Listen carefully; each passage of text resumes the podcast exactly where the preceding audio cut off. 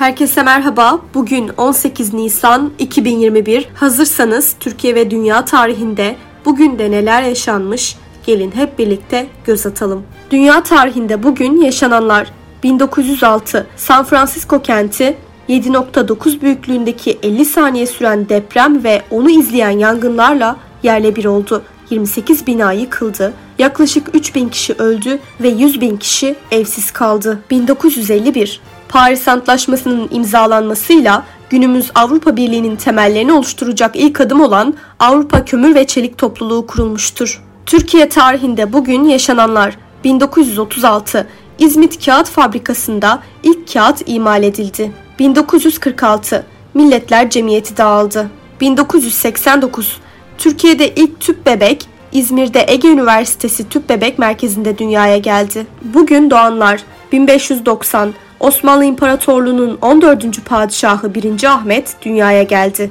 Bugün ölenler 1955 Alman fizikçi ve Nobel Fizik Ödülü sahibi Albert Einstein hayatını kaybetti. 1988 Türk şair Oktay Rıfat Horozcu vefat etti. Bugünkü bültenimizi de burada sonlandırıyoruz. Programımızda tarihte gerçekleşen önemli olayları ele aldık. Yarın da tarihte neler olduğunu merak ediyorsanız bizi dinlemeyi unutmayın. Yarın görüşmek üzere.